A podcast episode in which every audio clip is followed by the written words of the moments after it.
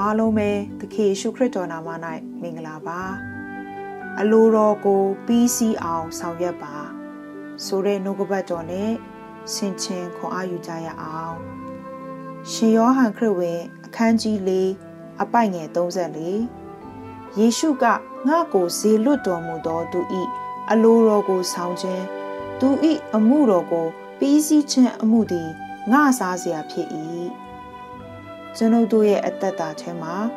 ခန္ဓာနဲ့ဆက်ဆိုင်သောအစာကိုစားသလိုပဲဝိညာဉ်ရေးရမှာကြီးထွားတိုးတက်ဖို့အတွက်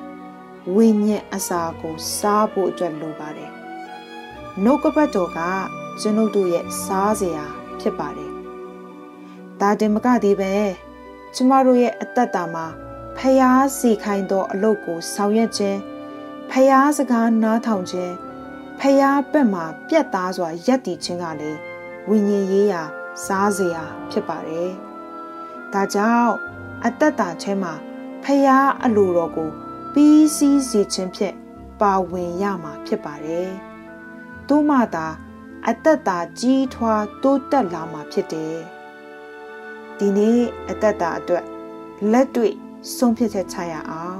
။ကျွန်ုပ်တို့ရဲ့အတ္တတာမှာဖျားခိုင်းသောအမှုကို ပြီးစီးအောင်ဆောင်ရွက်ခြင်းဖြင့်အသက်ရှင်ကြရအောင်ဆုတောင်းကြပါစို့ဂျေဇုရှင်ဖျားယုံကြည်သူများရဲ့အသက်တာမှာမိမိအပေါ်ဖျားထားရှိသော အလိုတော်နဲ့အကြံအစီကိုသိစေပါသိယုံမကပဲသူတို့အသက်တာမှာပြီးစီးအောင်ဆောင်ရွက်တော်သူများဖြစ်စေပါမေတ္တာတော်ရှင်ဖျားကျွန်ုပ်ဤအသက်တာထဲမှာကိုရောဤအလိုတော်ကို တာ၍နားလည်စေပါကိုတော်လှုပ်စီလိုသောအရာများကိုဦးစားပေးလှုပ်ဆောင်ပြီးစီးတော်သူဖြစ်စေပါအချင်းဤအသက်ရှင်တော်သူမဖြစ်ပါစေနဲ့ဘုန်းတော်အတွက်အသက်ရှင်တော်သူဖြစ်စေပါသခင်ယေရှုနာမ၌ဆုတောင်းပါ၏အာမင်